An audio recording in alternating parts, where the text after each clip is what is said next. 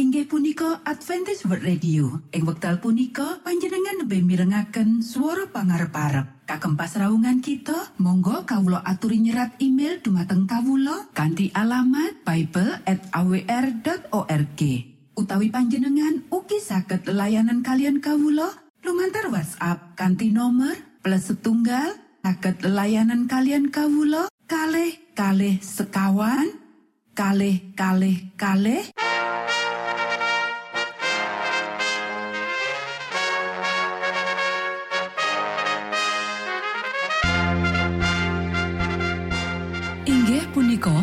Adventist World Radio ingkang giaran kanti basa Jawi. Tentrem Rahayu Kulo aturaken kagem poro Mitra kinasih ing pundi papan lan panggonan. Sugeng pepanggian malih kalian Adventist World Radio. Kanti bingahing manah Kulo badi sesarengan kalian poro Mitra kinasih lumantar saperangan adicara ingkang sampun rinonci mligi kagem panjenengan sami. Mugi giaran punika saged migunani tuwin dados berkah kagem kita sedaya. Sugeng midhangetaken Gusti amberkahi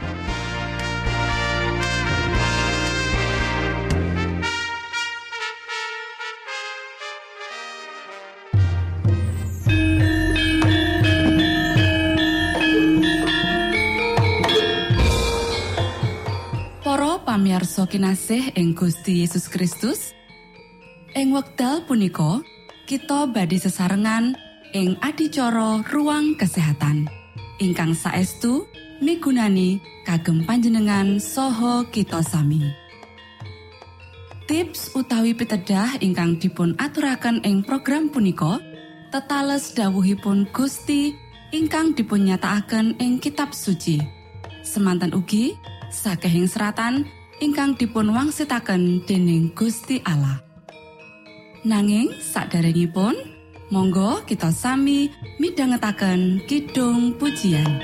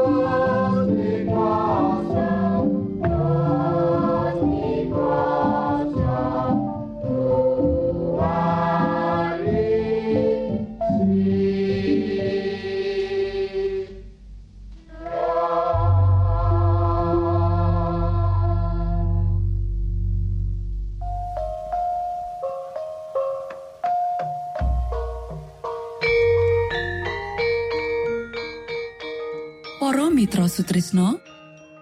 Puji syukur dumateng Gusti ingkang murbeng dumati ingkang sampun kepareng paring wewenngan kagem kita. Satemah saged nglajengaken ruang kesehatan. Pirembakan kita semangke kanthi irah-irahan. Donya saiki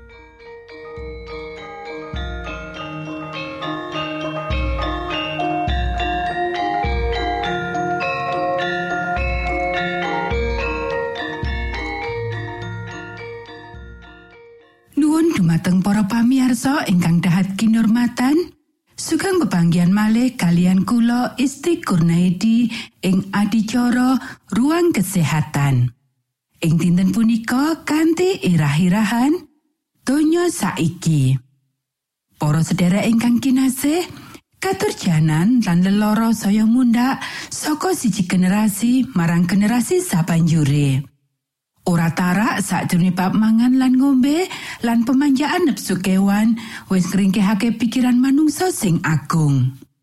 Tetimbangan sehat sing kutune merintah wis dadi abdine nepsu nganti nglewati wates. Kepinginan sing mujuk marang panganan mewah wis dimanjakake nganti iku dadi bakulinan kanggo ngisi weteng nganggo sakake panganan kasebut. Mrikine ing pesta-pesta, selera iku dimanjakake tanpa wates. Mangan awan sing mewah lan mangan bengi sing kasep dilatihake marang tamu. Ing ngendi panganan iku isine daging sing wis dibumboni, saus sing lengo, kue, pai, omben-omben es, teh, kopi lan liya-liyane. Ora gumun menawa kanthi panganan kaya iku wong dadi pucet lan nandang lara weteng sing banget. Para sederek, kahanan donya saiki wis dituduhake ing ngarepku. Sesawangan iku ngegirisi. Aku rumangsa gumun menawa wong-wong bumi ora disirnakake kaya penduduk Sodom lan Gomora. Aku ndeleng cukup akeh bukti marang kahanan kang mudhun saiki lan pepati ing donya iki. Nepsu sing ngawur nguasani tetimbangan lan saben tetimbangan sehat wis dikorbanake marang nepsu. Katurjanan gede sing sepisan ya iku ora tarak sakjroning bab mangan lan ngombe. Pria lan wanita wis ndadekake awake abdi selera. Dheweke ora tarak sakjroning bab makarya. Cacah gede pakaryan sing apa dilakokake mung kanggo ngentuki panganan kanggo dilatihake ing meja nedha sing banget mebayani lan ngeboti badan sing sayah banget. Para wanita nggunakake luwih akeh wektu ing sakdure keren geni sing panas kanggo nyiapake panganan, bumboni kanggo empon-empon kanggo marmake cita rasa. Sing dadi akibate anak-anak dilirwakake.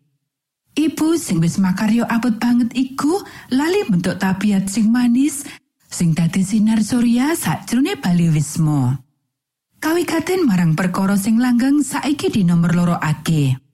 Kabeh wektune wis digunakake kanggo nyediakake perkara-perkara iki kanggo marmake selera sing ngrusak kesehatan, ngrusak tabiat lan ngrusak tetimbangan sehat.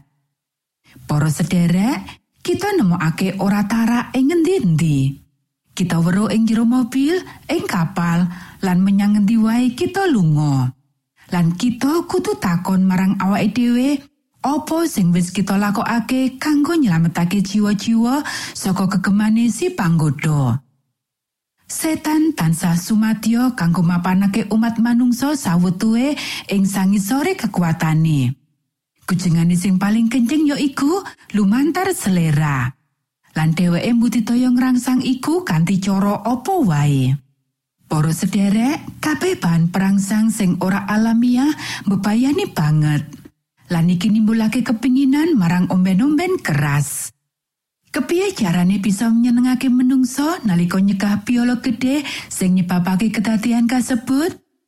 Apa kita wis nindakake kabeh sing kita bisa ing babagan iki? Matur nuwun, Gusti amberkahi.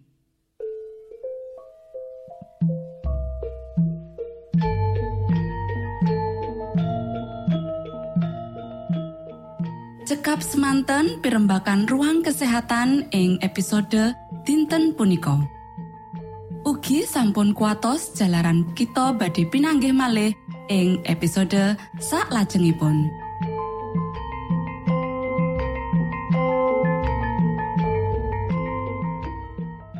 Inggih punika adicara ruang kesehatan.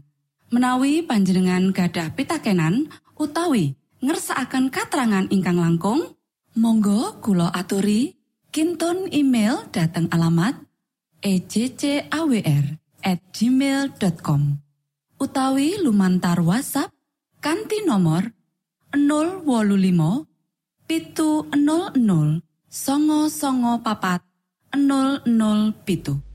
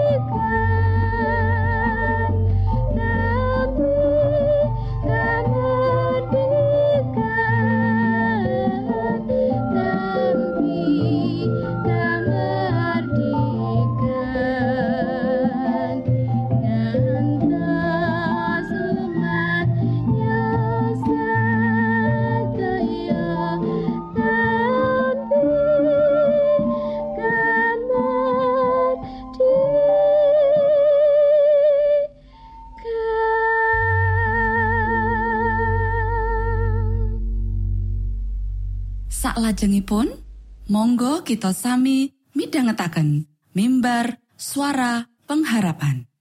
Angkat kanti pawarto Sang Kristus paderamu. Pro umat samyo puji asmanyo Sang Kristus paderamu.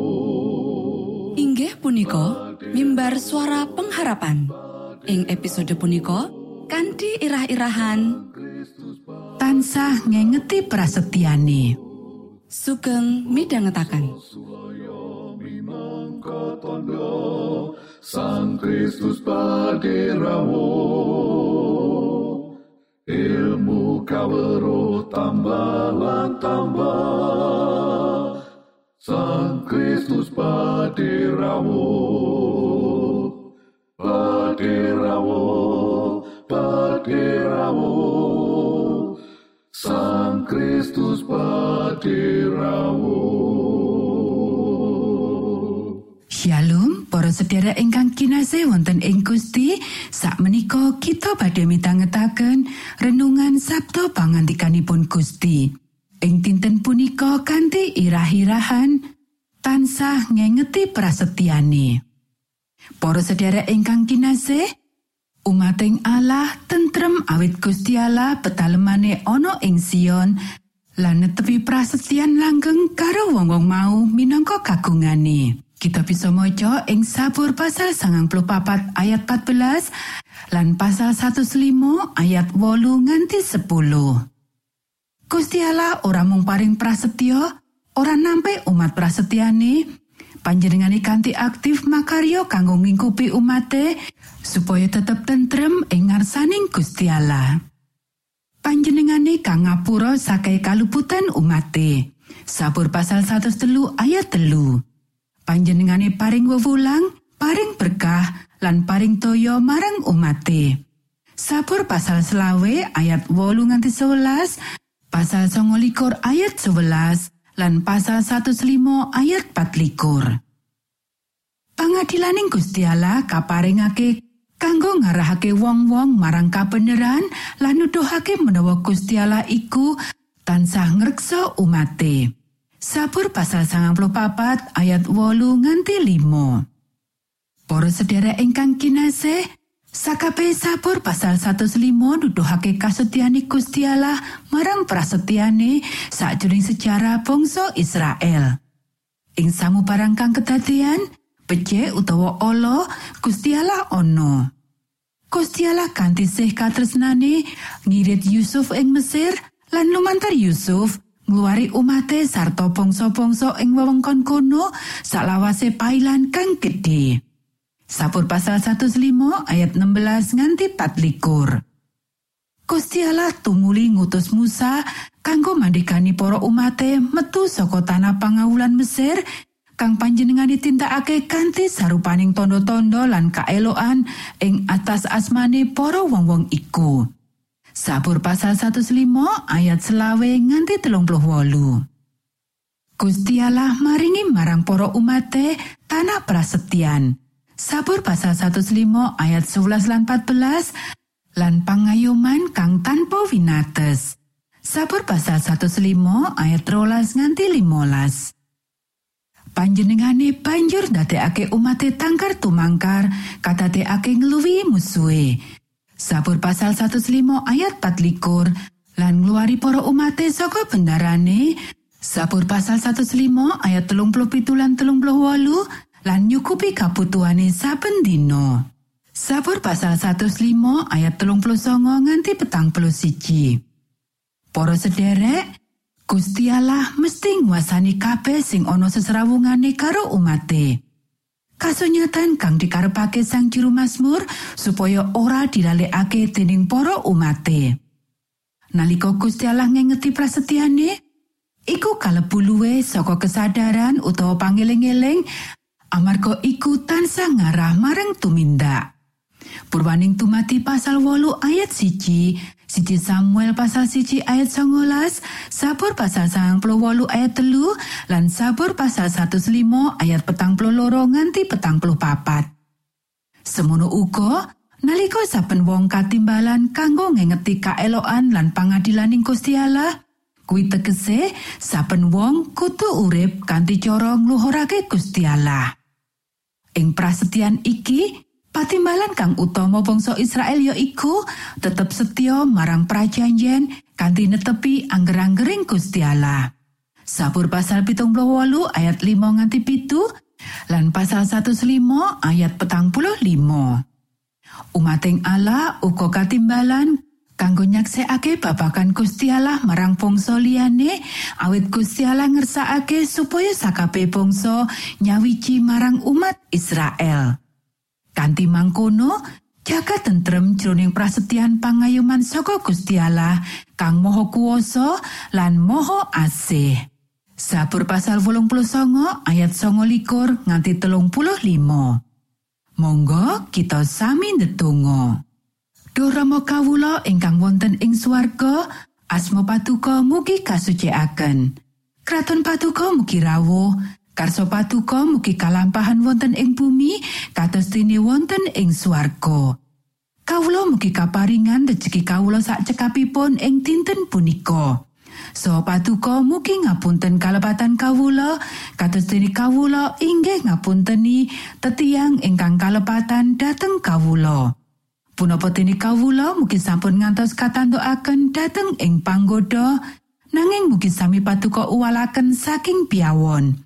Awit dene patuko ingkang kagungan kraton saha wiseso tuen kamulyan salami laminipun. Amin.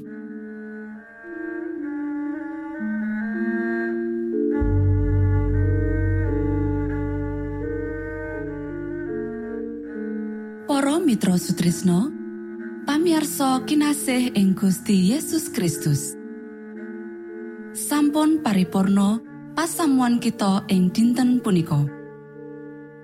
Menawi panjenengan gadah pitakenan utawi ngersaakan seri pelajaran Alkitab suara nubuatan Monggo Kulo aturi kinton email dateng alamat ejcawr@ gmail.com utawi lumantar WhatsApp kanti nomor 025 pitu 00 songo songo papat 00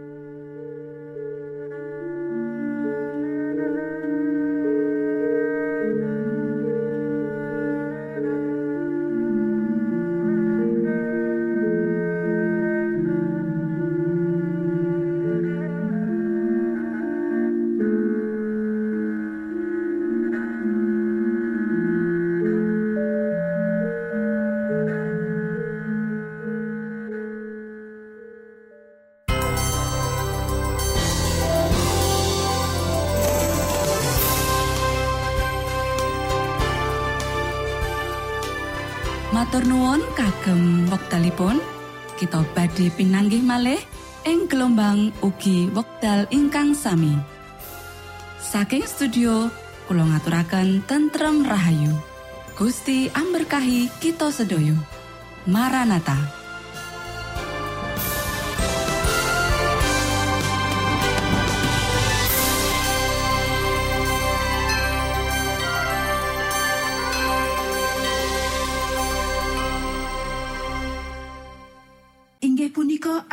World Radio. Ing wekdal punika panjenengan lebih mirengaken suara pangarep-arep. Kagem pasraungan kita, monggo kawula aturi nyerat email dumateng kawula kanthi alamat bible@awr.org. Utawi panjenengan ugi saged layanan kalian kawula lumantar WhatsApp kanthi nomor plus setunggal saged layanan kalian kawula kalih kalih sekawan kalih kalih kalih